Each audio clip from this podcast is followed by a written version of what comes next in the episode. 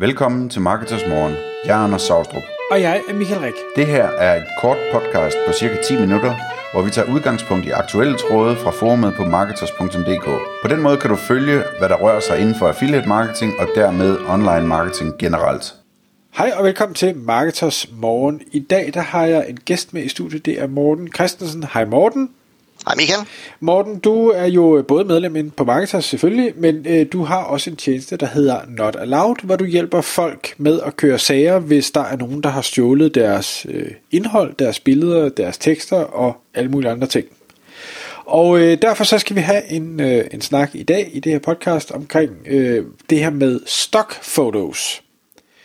Og kunne du prøve lige at fortælle øh, ganske kort, altså de, de her stockfotos, hvad, hvad er det for nogle tjenester, vi har derude? Hvad er det for nogle afarter? Der er jo, der er noget gratis, der er noget betalt og sådan noget. Øh, hvad, hvad er det, vi, vi går og tror, og hvorfor er det, vi øh, er helt forkert på den et eller andet sted? Jamen, der findes jo, altså stockfotos er jo faktisk en fælles betegnelse for billeder, øh, der ligger øh, enten frit tilgængeligt, eller at man kan betale sig fra at bruge i en eller anden søgetjeneste. Og øh, der, det, der findes sådan set fire typer af, hvad kan man sige, stock øh, services. Der findes dem, hvor man, øh, hvor fotograferne selv lægger det op, og hvor der er nogle licensbetingelser, man så skal følge for at bruge dem, og for at overholde de her betingelser, så skal man jo øh, gøre det, som, som fotografen eller licensen beder om. Øh, det er sådan noget typisk flikker, som er, er meget øh, store inden for det. Så findes der det, der hedder brugergenererede øh, services. Det er sådan noget som øh, Pixabay, hvor at øh, Gud og hver mand kan oprette en bruger og lægge nogle billeder op, og øh, så har vi andre så adgang til de her billeder.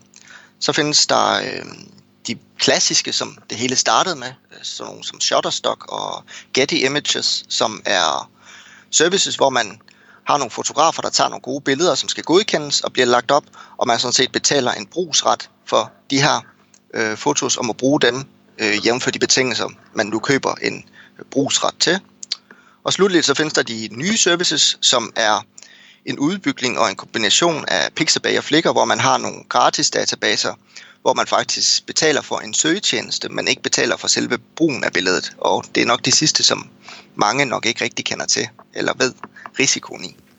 Og det, der var spændende, var at hele den her øh, episode og, og øh, en dialog, vi har haft inde i Markedsforum, det kom så af, at jeg havde købt en... Øh, en tjeneste, et, et tilbud, der har været på en, en øh, service, som netop var en af den her sidste kategori, altså en, en, en der bare aggregerer billeder fra en masse steder, det øh, kommer sådan lidt ramaskrig op omkring, ramaskrig op omkring, fordi den øh, måske nok øh, fraskriver sig et hvert ansvar, og i øvrigt måske er lidt ufin i kanten, og tænker sig, at vi behøver ikke nævne navnet, men det fik mig jo så til at, ja, du deltog rigtig meget i den her tråd, og det fik mig sådan til at, at indse, at jamen det her med de her tjenester, uanset om det er øh, gratis, eller det er brugergenereret, eller det er fotografer, eller man betaler for det, eller sådan det er, så er man ikke rigtig sikret som den, der, der nu gør brug af billedet. Det er, det er rigtigt. Øh, vi gennemgik rigtig mange handelsbetingelser i den tråd, du sådan set henviser til.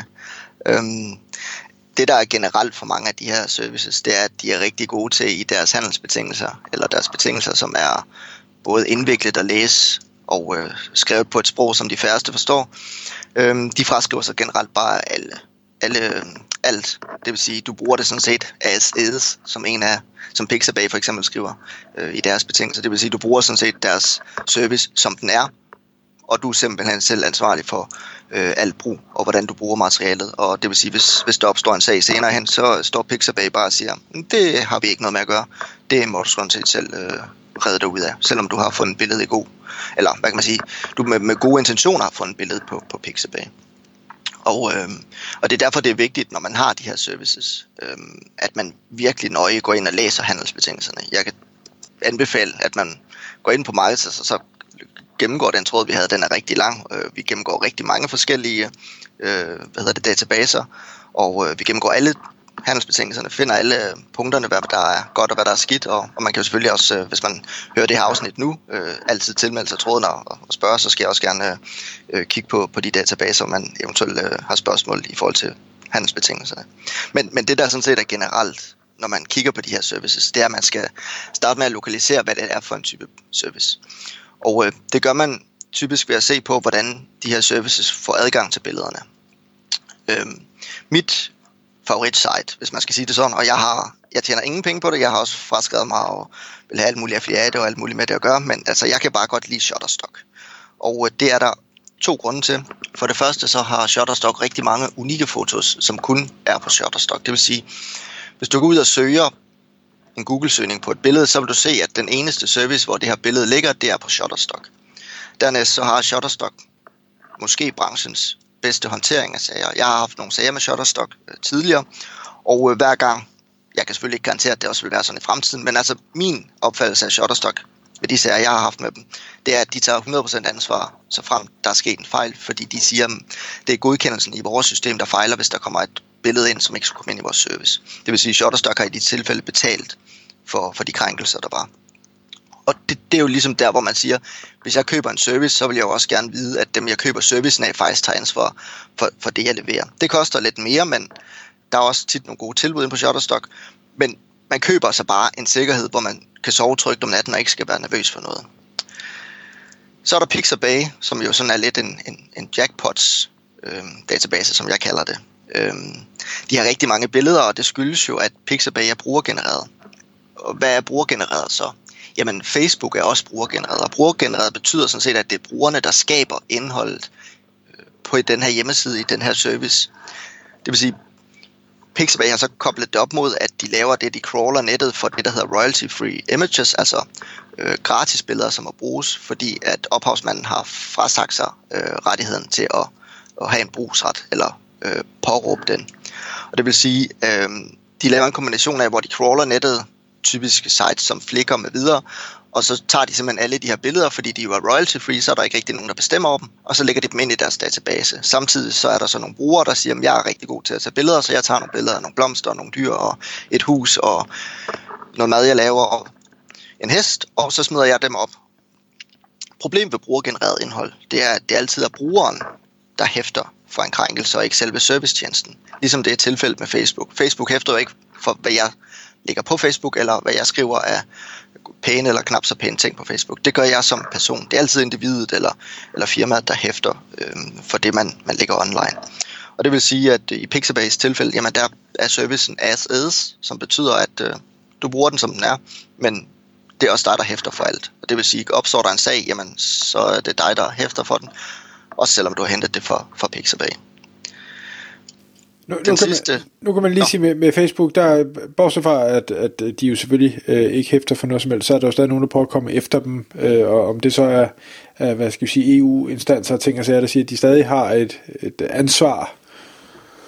Øh, øh, ja, altså jeg ved ikke rigtigt, det er jo svært at få sådan nogle services op og pålægge dem et ansvar, fordi de kan jo ikke sidde og gennemgå alle opslag manuelt. Man kan sige, at der er jo det, der hedder EU Takedown-direktivet, som pålægger en service provider som for eksempel er en host, Facebook, øh, sociale medier generelt.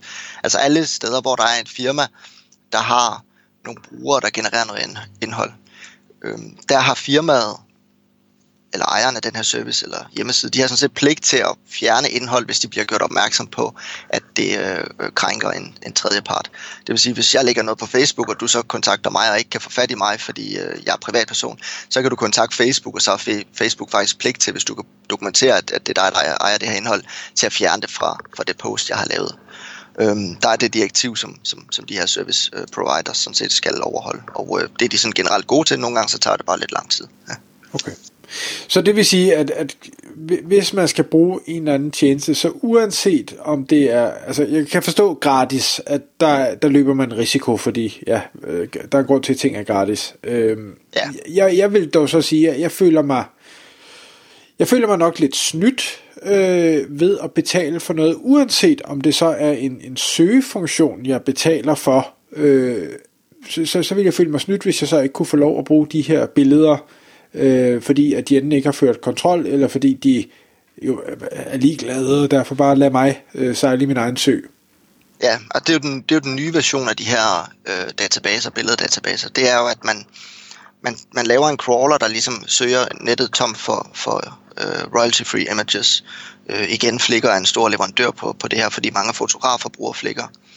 Og øh, det vil sige, de her, de her tjenester, de gør det sådan set det, at de laver nogle crawlers og nogle søgesystemer, der sådan set søger nettet for royalty-free images.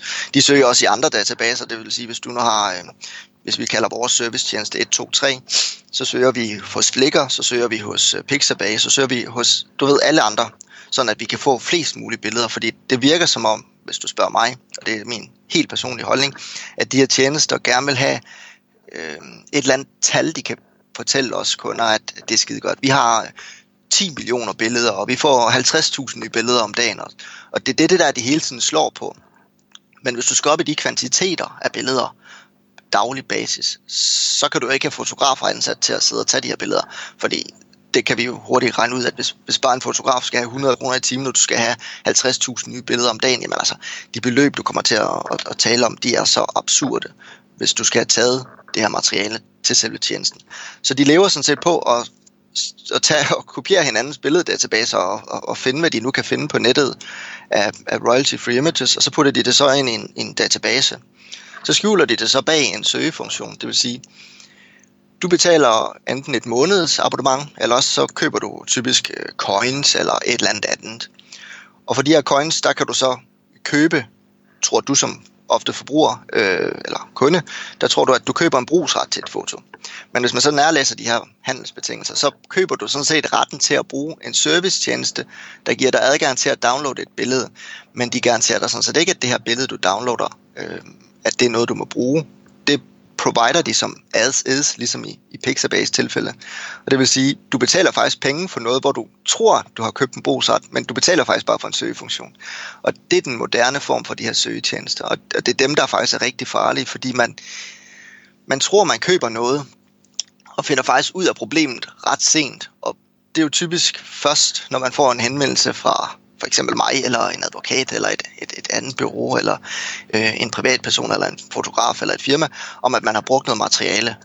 Og hvis man for eksempel har købt, hvis man har brugt sådan en søge, søgetjeneste i, i to år, så har man måske betalt månedligt øh, 2, 3, 4, 500 kroner for, for adgang, eller man har måske købt x antal billeder om måneden. Og det vil sige, at det er faktisk ret mange opslag, man lige pludselig skal til at gennemgå manuelt, måske slet.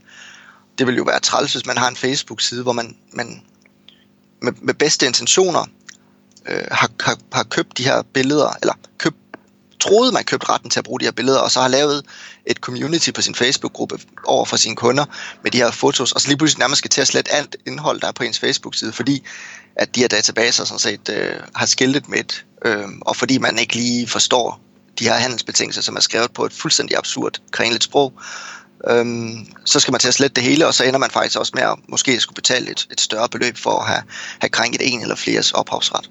Og det, det er virkelig noget, man skal til at være opmærksom på, øh, vil jeg sige, for der kommer flere og flere af den sidste service her. Det er en god forretning, tror jeg. Det må det være. Jeg, jeg synes, det er, det er scary.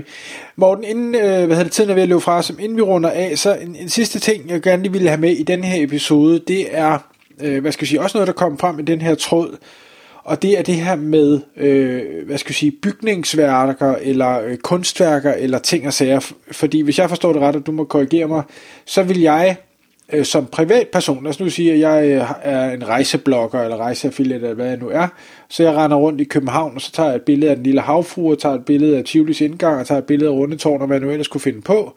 Så selvom jeg har taget billedet, så giver det mig ikke nødvendigvis ret til at måtte bruge det i kommersiel henseende. Nu, nu nævnte jeg bare nogle eksempler, det kan godt være mod dem, men, men øh, hvad er det er for noget?